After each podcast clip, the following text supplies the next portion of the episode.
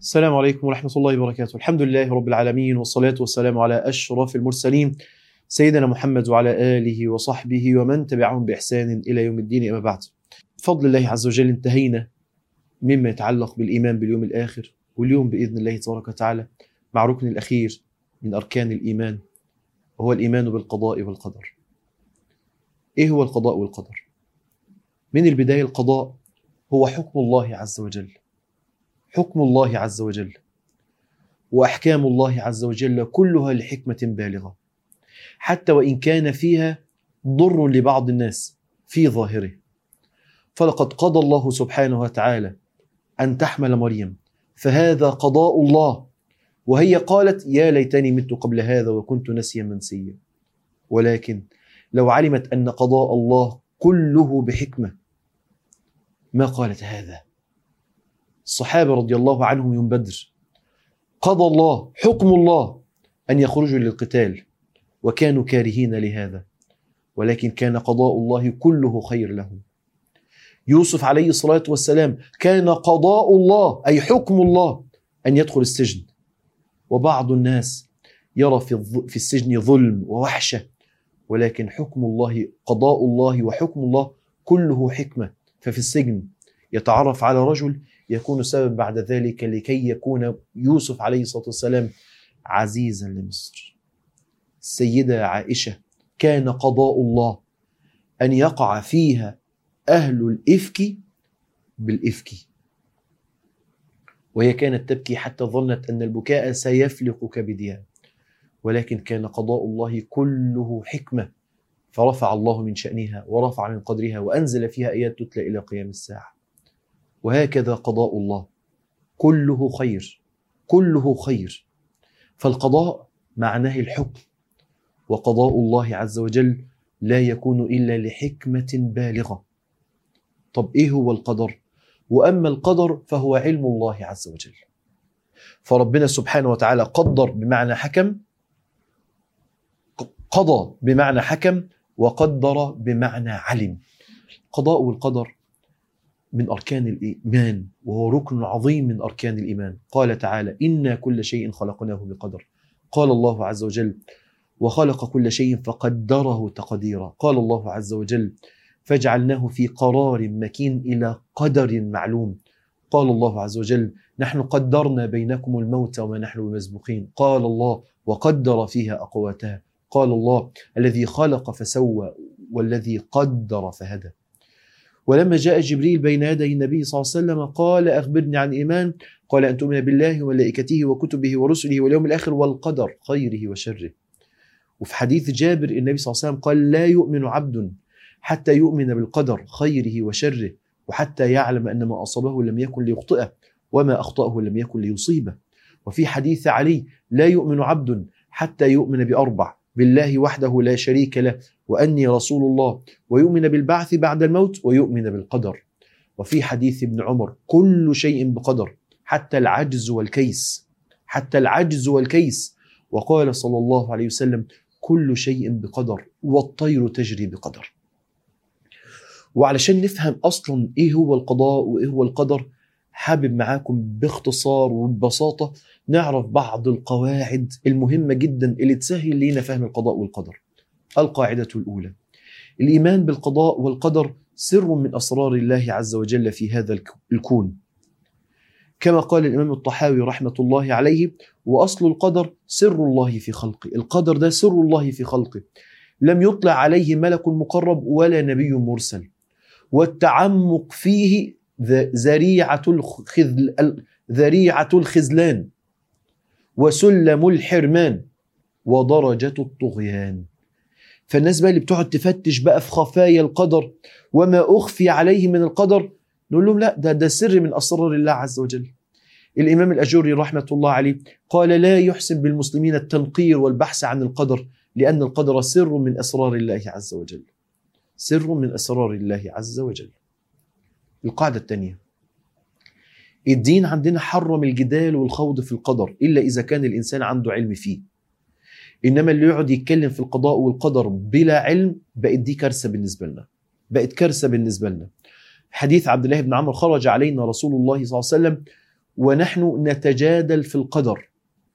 ونحن نتجادل في القدر ونتنازع في القدر. فغضب رسول الله صلى الله عليه وسلم حتى احمر وجهه حتى كأنما فوقئ في وجهه في وجنتيه رمان. ثم قال أبي هذا أمرتم؟ أبي هذا أمرتم؟ أم بهذا أرسلت إليكم؟ إنما أهلك من كان قبلكم حين تنازعوا في هذا الأمر. عزمت عليكم ألا تناز... ألا تتنازعوا فيه. الخوض في القدر والكلام في القدر وبغير علم شيء منهي عنه في هذا في هذا الدين. والنبي صلى الله عليه وسلم قال إذا ذكر القدر فأمسكوا. تكلموش تماما في القدر. سيبوا القدر ولا تتكلموا فيه إلا بعلم على وفق القرآن والسنة. طب حد هيتكلم في القضاء والقدر بغير علم بغير دليل من القرآن والسنة؟ لا لا نسمع له أصلا. القاعدة الثالثة. أفعال الله عز وجل أو قضاء الله عز وجل كله خير. كله خير. النبي صلى الله عليه وسلم قال والشر ليس إليك. لو أن كل إنسان منا أيقن أن كل حكم وكل قضاء لله عز وجل خير لأطمأن قلبه. لأطمأن قلبه. فكن على يقين دائما أن أفعال الله عز وجل لا تكون إلا لحكمة بالغة. تزوجت أو تأخرت في الزواج أو تأخر عنك الإنجاب أو ضيق عليك في الرزق أو ابتليت بمرض أو ابتليت بمصيبة أو كذا أو كذا فاعلم أن قضاء الله عز وجل كله لك خير. ولو أن الله عز وجل رفع الحجب عن أعيننا لرأينا حسن تدبير الله سبحانه وتعالى. فكم من إنسان كان عاصيا بعيدا عن الله عز وجل ابتلاه الله بمرض شديد. فتاب هذا العبد ورجع إلى الله سبحانه وتعالى. فكان مرضه سبب لعودته إلى الله عز وجل. فالمرض اللي إحنا شايفينه شر كان هو بوابة الخير لهذا الإنسان. أعرف إنسان أوقفني في درس من الدروس ذات يوم وهو بيقول لي أنا عمري ما كنت بدخل مسجد. رايح أضع فلوس شغلي كلها في البنك جت عربية سرقت الشنطة وهربت. وكان بلاء شديد ومحنة شديدة. ووقتها رأيت كل شيء مظلما إلا بيت الله سبحانه وتعالى. فدخلت المسجد والأول مرة أصلي بين ايدين ربنا سبحانه وتعالى. وكم من إنسان منع من المال منع من المال وسبحان الله لو أعطي هذا المال لطغى في الأرض. وكم من إنسان قدر الله سبحانه وتعالى وشاء أن يحرم الولد ليكون كل ماله للفقراء والمساكين فينتفع منه آلاف الأسر وأنا أعلم هذا بنفسي. وكم من إنسان أعطاه الله عز وجل بنات ولم يعطيه أولاد؟ فوجد فيهم الحنية وجد فيهم الرقة وجد فيهم الرحمة ما لا ما لا يجدها في أي إنسان آخر. وكم من امرأة يعني امرأة سبحان الله هذه المرأة قدر الله عز وجل وقدر لها أنها تلد ويتقال لها كده أن الجنين ده مشوه تشوهات صعبة جدا وخطيرة جدا للغاية. فرضيت لقضاء الله عز وجل وسلمت. وسبحان الله مات زوجها. فطمع إخوة الزوج في في مال هذا الرجل. ولكنها قالت لهم انتظروا فأنا حامل. ولد هذا المولود ولد مع الثلاث بنات. ولد هذا المولود ولد مع الثلاث بنات. فكانت النتيجة إن كل الإخوات إخوات الزوج خلاص ما عادش لهم في التركة لوجود هذا الولد. وبعد أيام بسيطة يموت هذا الولد لتكون التركة للأم وتكون التركة للبنات. فالولد المشوه اللي كانت الأم زعلانة بسببه هي لا تعلم أن هذا حسن قضاء وتدبير من الله سبحانه وتعالى. أول أمس كلمني أحد إخواني قال لي أنا كنت رايح موعد مهم جدا نزلت دورت العربية العربية مش عايزة تدور أروح يمين أروح شمال العربية مش عايزة تدور وعرفت تماما إن البطارية باظت. خدت تاكسي بسرعة ورجعت. وأنا في غاية الدقيقه ومتضايق وتعبان يقول لي والله العظيم أنا لما رجعت تاني يوم صليت الفجر وقلت أروح أدور العربية كده ففوجئت إن واحد أول ما شافني نزل جري من العربية وهرب. ببص لقيته وصل التوصيلات وظبط كل حاجة إنه يسرق العربية وظل يدور في العربية العربية ما بتدورش وما يعرفش إن البطارية بايظة. يقول سبحان الله البطارية لو كانت سليمة كانت العربية كلها سرقت. فكان تقدير ربنا عز وجل ليا فوق تصور أي إنسان. الإنسان إذا مرض في يوم من الأيام لو كشف عنه الحجاب لعلم يقينا إن هذا المرض خير له في الدنيا وخير له في الآخرة. شفتوا سبحان الله لما الإنسان منا يعيش مع هذه القواعد يعيش مع هيرتاح لما يعلم إن كل قضاء لله عز وجل هو الخير وفيه الحكمة وفيه الخير للإنسان في الدنيا والآخرة والله يطمئن القلب يطمئن القلب. قال الله عز وجل ومن يؤمن بالله يهدي قلبه وفي قراءة عكرمة يهدأ قلبه اللي يؤمن إن كل شيء بقدر وان ما أصابه لم يكن ليخطئه وما أخطأه لم يكن ليصيبه تهدأ النفوس وتطمئن. سبحان الله سبحان الله السيدة عائشة تقول كنت أبكي حتى ظننت أن البكاء فالق كبدي. قالت وما كنت ولا شأني في نفسي أحقر من أن يتكلم الله عز وجل فيها بالقرآن يتلى فأنزل الله فيها آيات فرفع من قدرها ورفع من شأنها. كل ده يوم الإنسان منا يوقن ويعلم يقينا أن كل قضاء لله سبحانه وتعالى فيه خير له. في القاعدة الرابعة. إرادة الله عز وجل ومشيئة الله عز وجل على ضربين. عشان نفهم. إرادة الله عز وجل ومشيئته على ضربين. المشيئة الأولى هي المشيئة الكونية القدرية. قدر الله عز وجل إن هذا يموت الآن. قدر الله عز وجل إن هذا يمرض الآن. قدر الله عز وجل إن هذا البيت يسقط عليه الآن. هل أنا في هذه المشيئة القدرية أنا مخير ولا مسير؟ أنا في هذه المشيئة القدرية الكونية أنا فيها مسير لا أملك فيها شيئا. لا أملك فيها شيئا. خالص. ولكن أنا مأمور بدفعها ما استطعت. قدر الله عز وجل إن أنا أبتلى بمرض. فما علي إلا التسليم لقضاء الله عز وجل والله أمرني أن أدفع هذا المرض ما استطعت. ربنا عز وجل قدر إن أنا أكون عقيم. أمرني الله عز وجل بالرضا بهذا الأمر ودفع هذا ما استطعت. أروح لأطباء وأعمل عمليات مرة واثنين وثلاثة وهكذا. فالمشيئة الكونية القدرية العبد فيها مسير. وهناك مشيئة أخرى وهي المشيئة الشرعية المتعلقة بالحلال والحرام المتعلقة بالصح والغلط. هذه المشيئة أنت فيها مخير. أنت فيها مخير. أنت فيها مخير. إما أن تأخذ بالأسباب التي توصل إلى الهداية فهنا يهديك الله عز وجل. وإما أن يسلك الإنسان الأسباب الموصلة للضلال والغواية فهنا يضله الله عز وجل. قال الله سبحانه وتعالى ثم انصرفوا. هذا كان فعلهم. انصرفوا عن الدين صرفوا عن الطاعة انصرفوا عن العبادة انصرفوا عن تنفيذ أوامر الله عز وجل. ثم انصرفوا فكانت النتيجة صرف الله قلوبهم. لماذا أضل هؤلاء؟ الله عز وجل يقول يهدي من يشاء ويضل من يشاء. لماذا أضل هؤلاء؟ لأنهم انصرفوا عن عنه سبحانه وتعالى. قال الله عز وجل ويضل الله من؟ قال الظالمين. هذا إنسان اختار طريق الظلم اختار طريق البغي فأضله الله سبحانه وتعالى. قال الله سبحانه وتعالى نسوا الله فكانت النتيجة فنسيهم. قال الله سبحانه وتعالى أفرأيت من اتخذ إلهه هواه هذا إنسان اختار هذا الطريق أن يكون الهوى هو الإله. فكانت النتيجة وأضله الله على علم. وفي الجانب الآخر من هذا الذي يهديه الله؟ هو الذي أخذ بالأسباب. هو الذي أخذ بالأسباب. قال الله يثبت الله الذين آمنوا. هم سلكوا طريق الإمام فثبتهم الله عز وجل. قال الله عز وجل والذين اهتدوا زادهم هدى وأتاهم تقواهم. قال الله سبحانه وتعالى إنهم فتية آمنوا بربهم وزدناهم هدى وربطنا على قلوبهم إذ قاموا. اذا يهدي من يشاء ويضل من يشاء. كيف أفهمها؟ كيف أفهمها؟ أفهمها أن الله سبحانه وتعالى أن الله سبحانه وتعالى قدم أسباب الهداية اولا. قدم أسباب الهداية اولا وحذر من أسباب الغواية ثانيا وأعطى هذا للإنسان. فمن الناس من يختار طريق الهداية فيهديه الله ويأخذ بيديه ويثبت قدمه. ومن الناس من يسلك طريق الغواية من يسلك طريق الغواية فتكون نتيجة يصرف الله قلبه ويغوي الله عز وجل قلبه ويضله الله. يهدي الله من يشاء ويضل من يشاء. جعل الله عز وجل الهداية أسباب. أنزل الرسل أرسل الرسل وأنزل الكتب وأرسل الآيات الكونية عشان تأخذ بيد الناس إلى الهداية. فمن اعتبر بها نجا وهداه الله عز وجل. ومن لم يعتبر بها ولم يأخذ بها ضل وهلك مع الهالكين. ضل وهلك مع الهالكين. فأنت في هذه المشيئة أنت مخير. جعل الله عز وجل لك حرية الاختيار.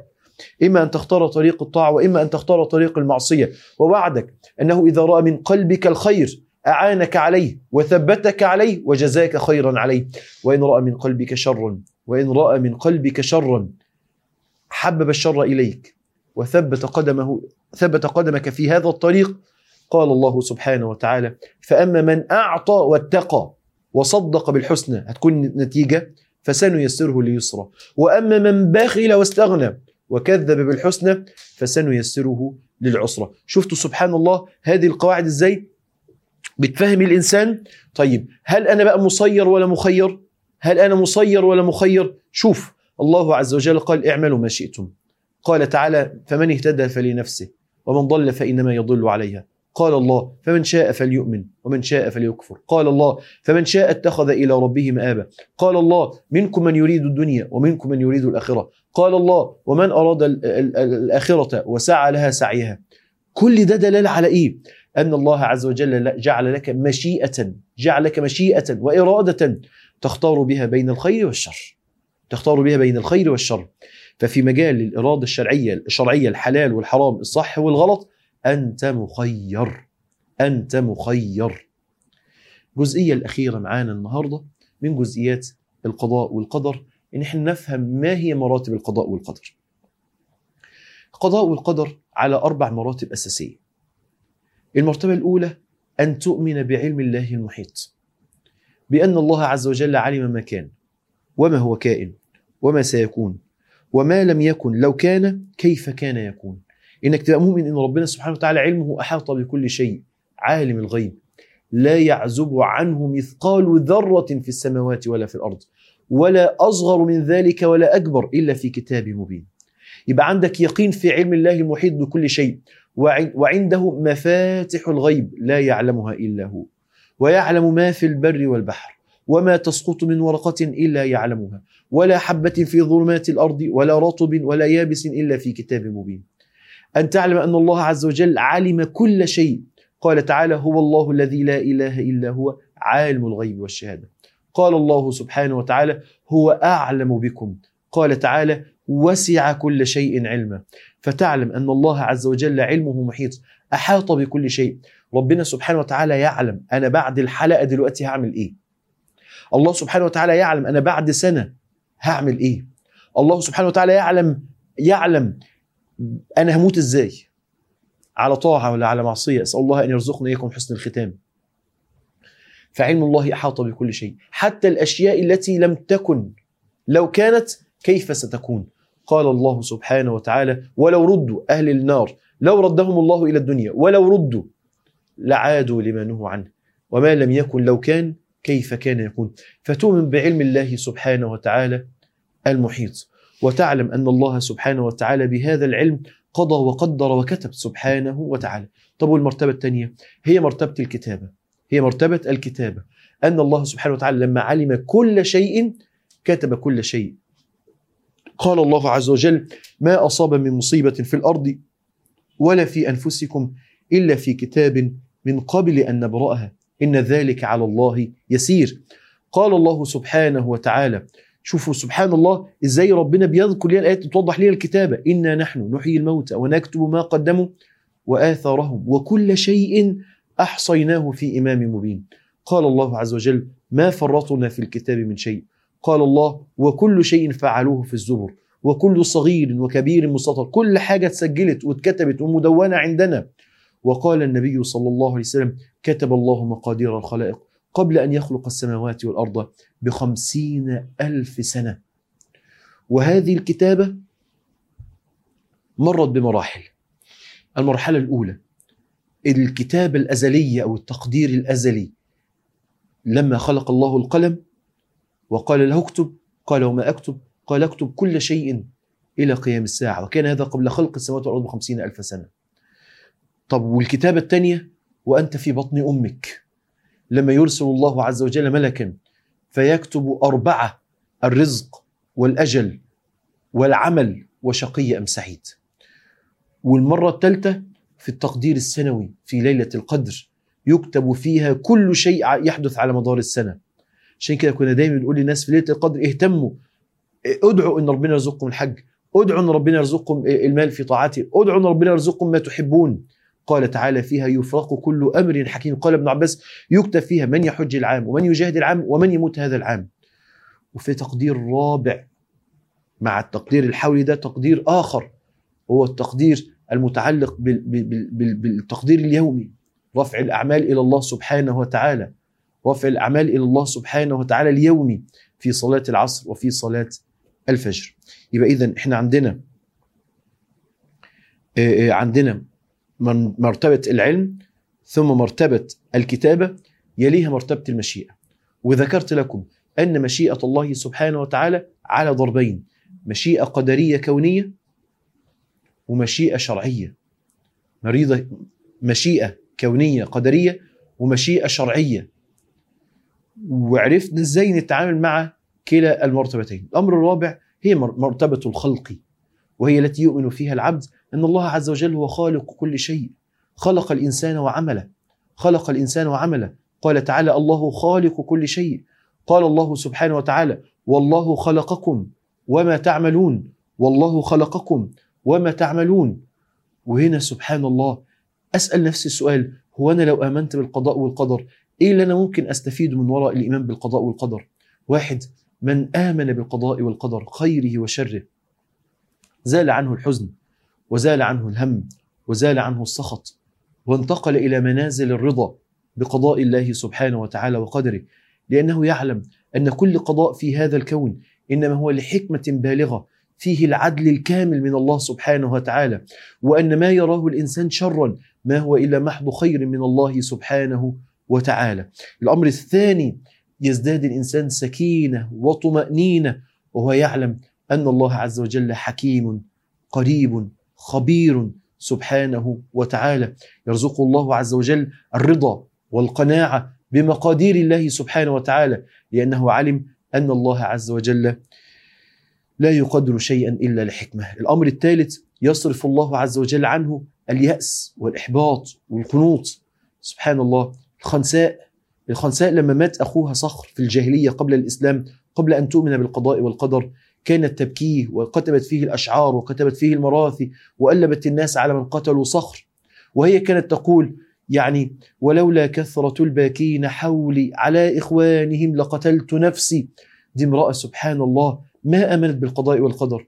فلما أمنت بالله سبحانه وتعالى ودخلت في دين الله عز وجل واستقرت أصول ومبادئ الإيمان بالقضاء والقدر في قلب هذه المرأة. سبحان الله لما مات لها أربعة من أبنائها في معركة واحدة وهي معركة القادسية ما وجدوا منها إلا برد الرضا ما وجدوا منها إلا السكينة ما وجدوا منها ياسا وما وجدوا منها قنوطا وما وجدوا منها احباطا. سبحان الله سبحان الله سبحان الله كذلك أيضا من الأمور المهمة جدا من الأمور المهمة جدا اللي بيستفيدها الإنسان من وراء الإيمان بالقضاء والقدر يلهمه الله سبحانه وتعالى الصبر عند نزول البلايا.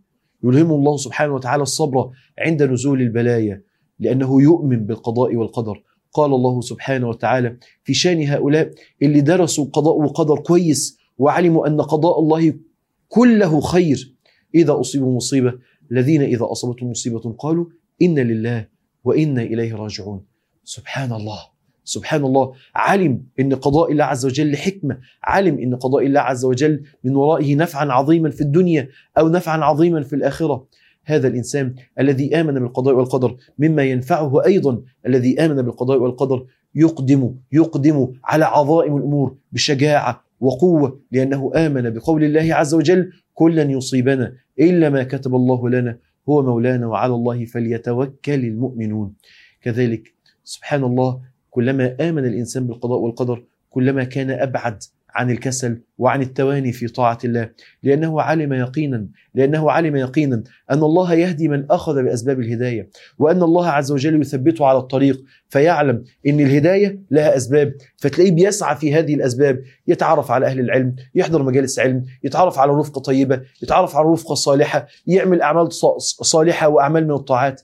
فسبحان الله تجد هذا الإنسان حريص حريص على طاعة الله بعيد عن الكسل بعيد عن الاعتمادية لما ربنا يبقى يهديني بعيد عن هذه الاعتمادية حريص أن يقدم الخطوة الأولى التي قال فيها النبي صلى الله عليه وسلم قال الله عز وجل من تقرب مني شبرا تقربت منه الذراع. تلاقيه مفيش كسل مفيش تواني. سبحان الله وأختم وأقول والله ما طابت الحياة إلا بإيمان العبد بقضاء الله وقدره. وما ازداد الإنسان حياة في هذه الحياة الطيبة فرحة وسرورا وسعادة وصبرا ورضا عن الله عز وجل إلا مع دراسة أحكام القضاء والقدر. وبهذا يكون قد انتهى هذا الدرس وبه تكون قد انتهت هذه السلسلة. أسأل الله سبحانه وتعالى أن يعلمنا ما ينفعنا وينفعنا بما علمنا ويجعلنا وإياكم مما يسعون القول فيتبعون أحسنه. هذا وصلى الله على نبينا محمد وعلى آله وصحبه وسلم.